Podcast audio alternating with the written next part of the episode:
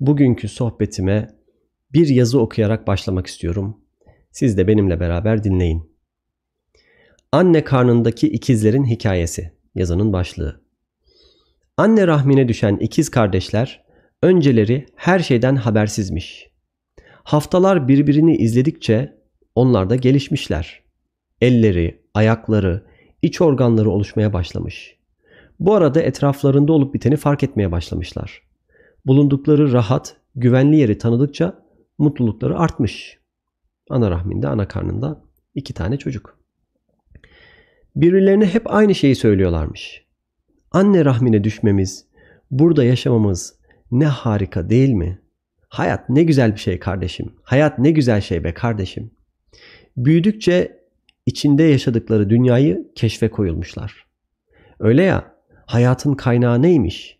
İşte bunu araştırırken karşılarına anneleriyle onları birbirine bağlayan kordon çıkmış.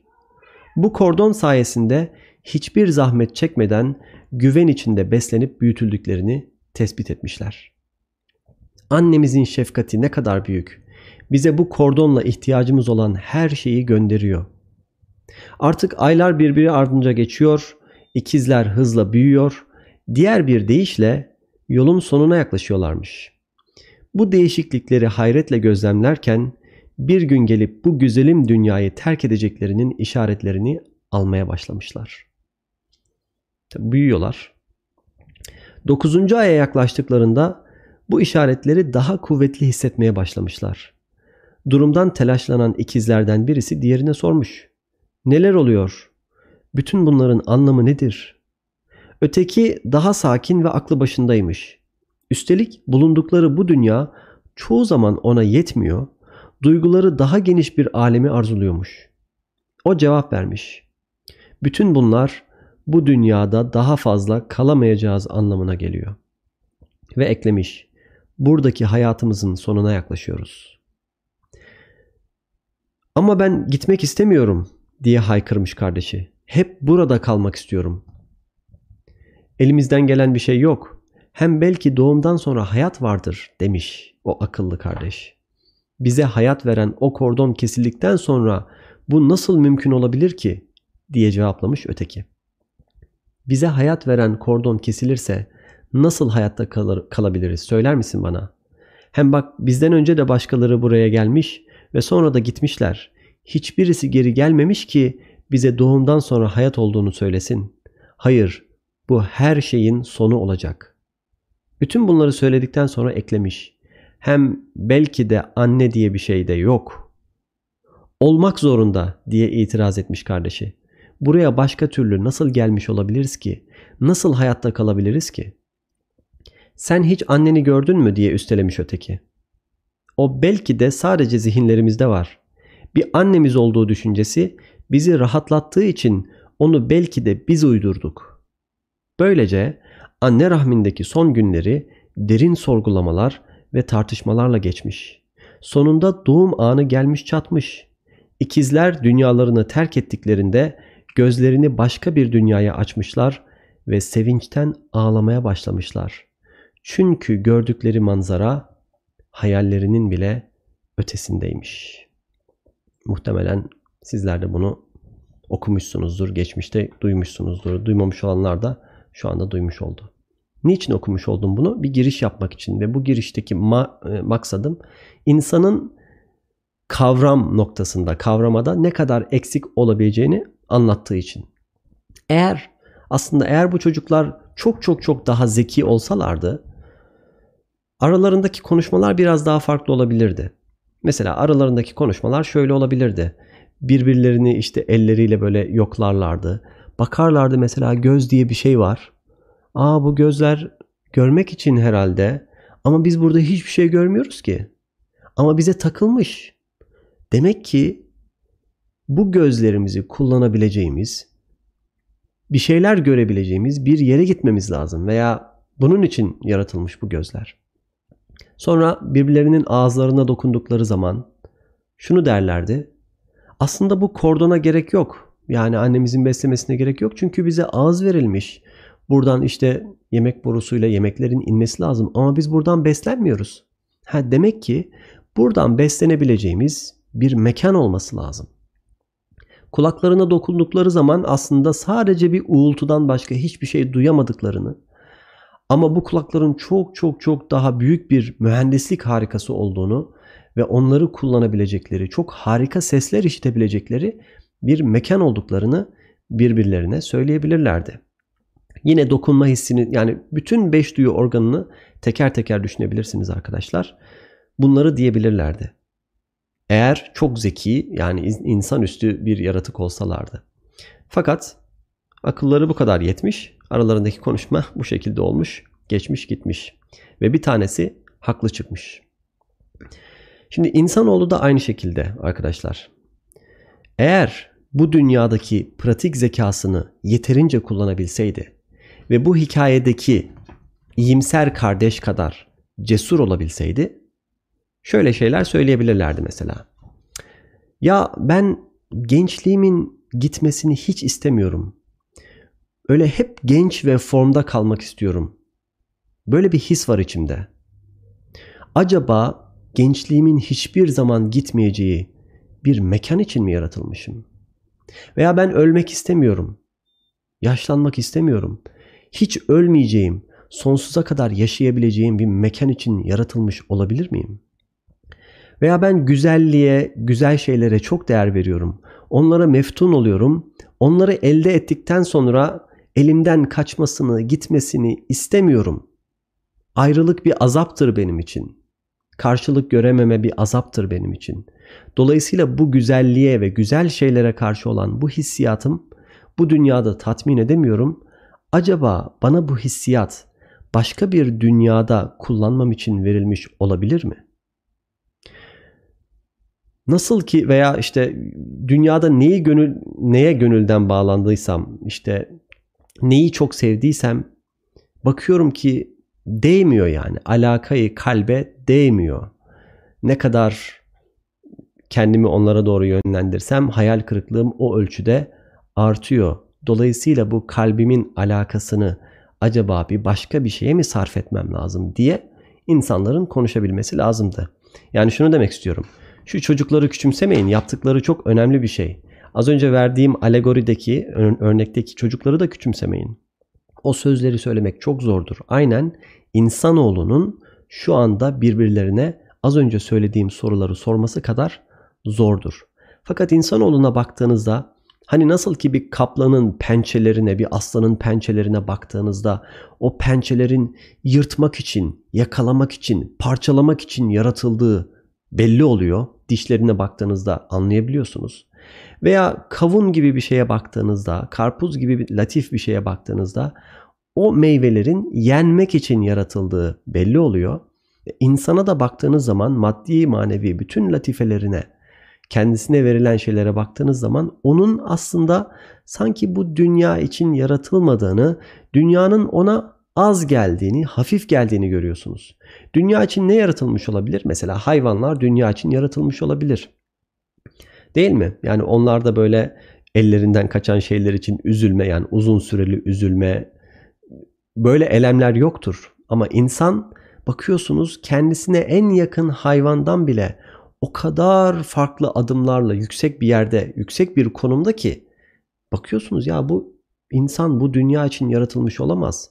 İnsan bu dünya için yaratılmış olsa o zaman bu hayvanat, bitkiler bu dünya için yaratılmamış olması lazım. Evet Allah insanı dünyaya göndermiştir ve dünyaya göndermek için yaratılmıştır ama onun sonsuz mekanı dünya değildir. Kur'an-ı Kerim'den öğreniyoruz ki onun mekanı ahirettir. Ahiret yurdu, asıl mekan ahiret yurdudur. Dolayısıyla değerli arkadaşlar bu e, sevgi meselesi yani dünyaya karşı olan alaka meselesi ben şöyle sınıflandırıyorum. İnsanın bir zata karşı bir sevgisi vardır. Bir de sıfatlara karşı bir sevgisi vardır. Zata karşı olan sevgisini Cenab-ı Allah'a yönlendirebilirse eğer doğru bir yere yönlendirmiş olur. Eğer onu yönlendiremezse kendi nefsine, kendi zatına doğru yönlendirmiş oluyor. Sıfatlara karşı olan sevgi de Allah'ın e, sıfatlarına karşı diyeyim.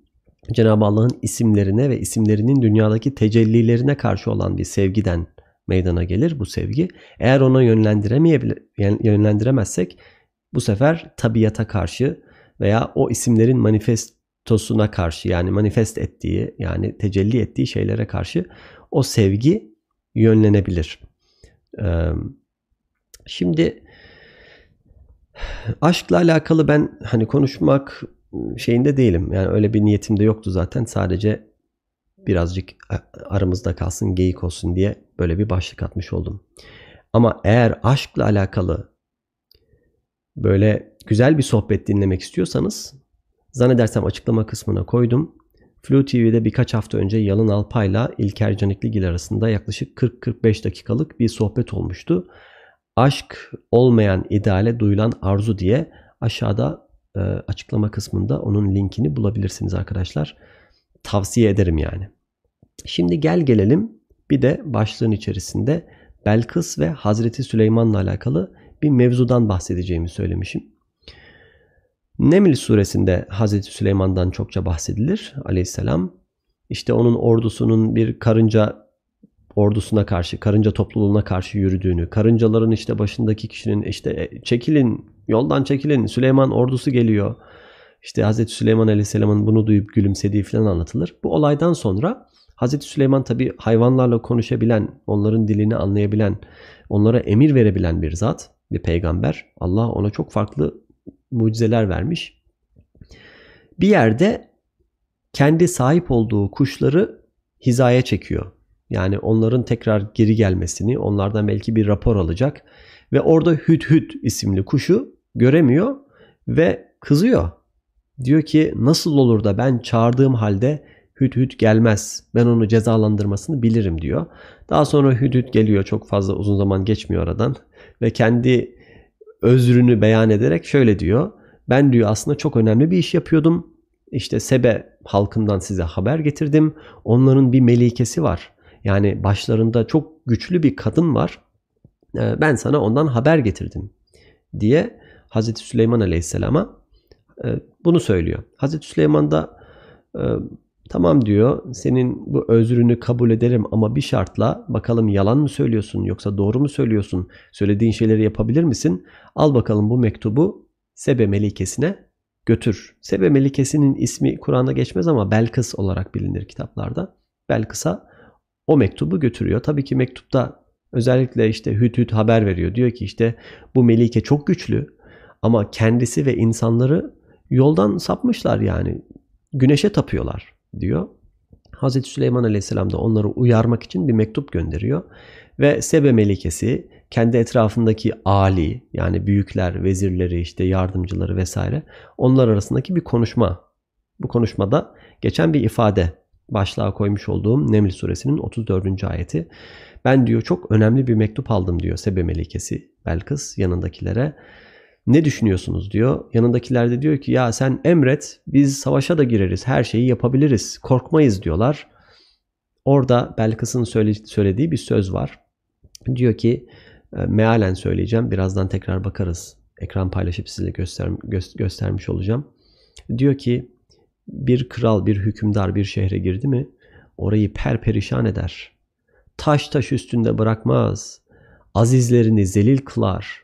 Yani Sebe Melikesi akıllı, zeki bir kadın ve Hazreti Süleyman'ın aslında bunu yanına kar kalmayacağını anlamış oluyor.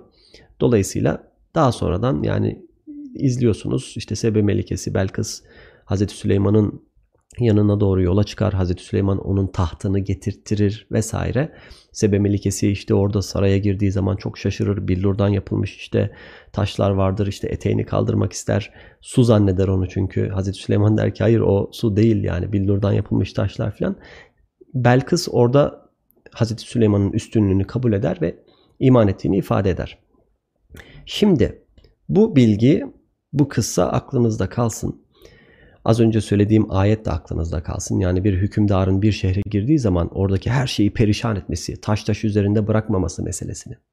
Şimdi mecazi aşktan hakiki aşka ulaşmak çok kullanılan bir tabir. İşte biz Leyla ile Mecnun'u okumuşuzdur, görmüşüzdür. Veya işte Ferhat ile Şirin'i veya işte Azra ile Vamik diye mesela iki aşk kahramanı var. E bunlarda bakıyorsunuz arkadaşlar sanki mecazi aşktan hakiki aşka ulaşmak kolay bir şeymiş gibi, güzel bir şeymiş gibi gözümüze gelebilir. Fakat onun yolunu size anlatayım. Mecazi aşktan hakiki aşka ulaşmanın yolu ilgi duyduğun, alaka duyduğun her şeyi canını çok acıtacak şekilde tek tek tek tek kaybetmekten geçer. Aileni mesela çok seviyorsun. Onlarla vakit geçirmeyi çok seviyorsun. Ama annen hiç beklenmedik bir zamanda ölü veriyor. Kalp krizi geçiriyor. Tamam diyorsun. Bunu bağrıma bastım. En azından kardeşlerim var, babam var diyorsun. Onlar da bir trafik kazasında vefat ediyorlar. İşe başlıyorsun fakat almış olduğun maaşı bir türlü kullanamıyorsun. Çünkü diyelim ki işte evin yanıyor. Bir sürü borç batağına girmiş oluyorsun. Yani dünyalık olarak elini neye atıyorsan diyelim ki bir birisini sevdin, nişanlandın, evleneceksiniz. Bir trafik kazasında o da göçüp gidiyor. Yani tek tek sevdiğin her şey elinden alınıyor. Buna dayanmak çok zordur. Geçen gördüğüm bir haberde adam evini satmış, bir yatırım yapmış ev, sattığı evle. Fakat o yatırımın hepsini kaybetmiş ve silahı kafasına dayayıp intihar etmiş. Yani mecazi aşktan hakiki aşka doğru giden bir yol yoktur aslında. Mecazi aşktan gidecek şey ancak ve ancak meyhanelere gidebilir, intihara gidebilir. Yani serkeşliğe gidebilir. Ama hakiki aşka gitmesi neredeyse mümkün değildir. Çünkü insanoğlunun dayanamayacağı ölçüde büyük imtihanlara tabi tutulması gerekir. Şimdi hatta bir ayet-i kerime daha var. E, Ali İmran suresinde geçiyor. 150'lerde geçiyor bakabilirsiniz. Uhud Savaşı ile alakalı Peygamber Efendimiz'e yani Peygamber Efendimiz işte sahabelere diyor ki kaçmayın diyor. Sahabeler kaçıyorlar. Tabii ki Efendimizin söylemiş olduğu işte bu okçular tepeyi terk etmesin mevzusu var. Ee, Uhud'un bidayetinde yani başlangıcında Müslümanlar galip geliyorlar ve Okçular Tepesi'ndeki Müslümanların çoğu, sahabelerin çoğu artık savaş bitti. Ganimetleri toplamaya yardım ediyorlar. Ben yardım ediyorlar diyorum çünkü onları böyle ganimet aşığı, ganimetleri işte çalıp kendisinde saklayacak insan olarak görmüyorum. Çünkü Peygamber Efendimiz çok uyarıyor yani. Ganimetler hepsi ortaya getirilecek, toplanacak, sonra eşit olarak paylaştırılacak. Yani o insanlar işte başkaları ganimet alıyor. Biz de ganimet alalım derdinde değiller. İkna olmuşlar. Savaş bitmiş diye düşünüyorlar ve ganimetlerin toplanması noktasında yardımcı olmak istiyorlar.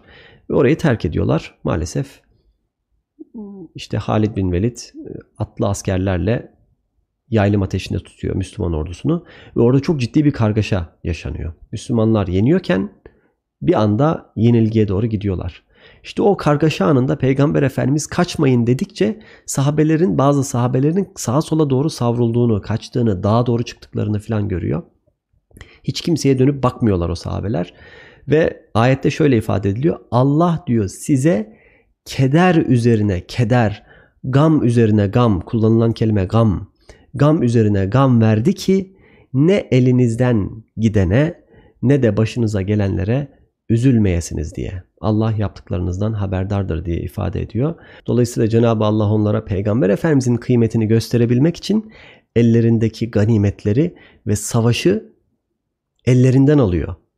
Şimdi Allah bu mecazi olarak sevgi beslenilen her şeyi elimizden ala ala ala ala ala ala ne yapmış oluyor? Bize asıl değerli ve kıymetli olan şeyin, asıl sevginin gösterilmesi gereken şeyin e, kendisi olduğunu veya ahiret yurdu olduğunu göstermiş oluyor.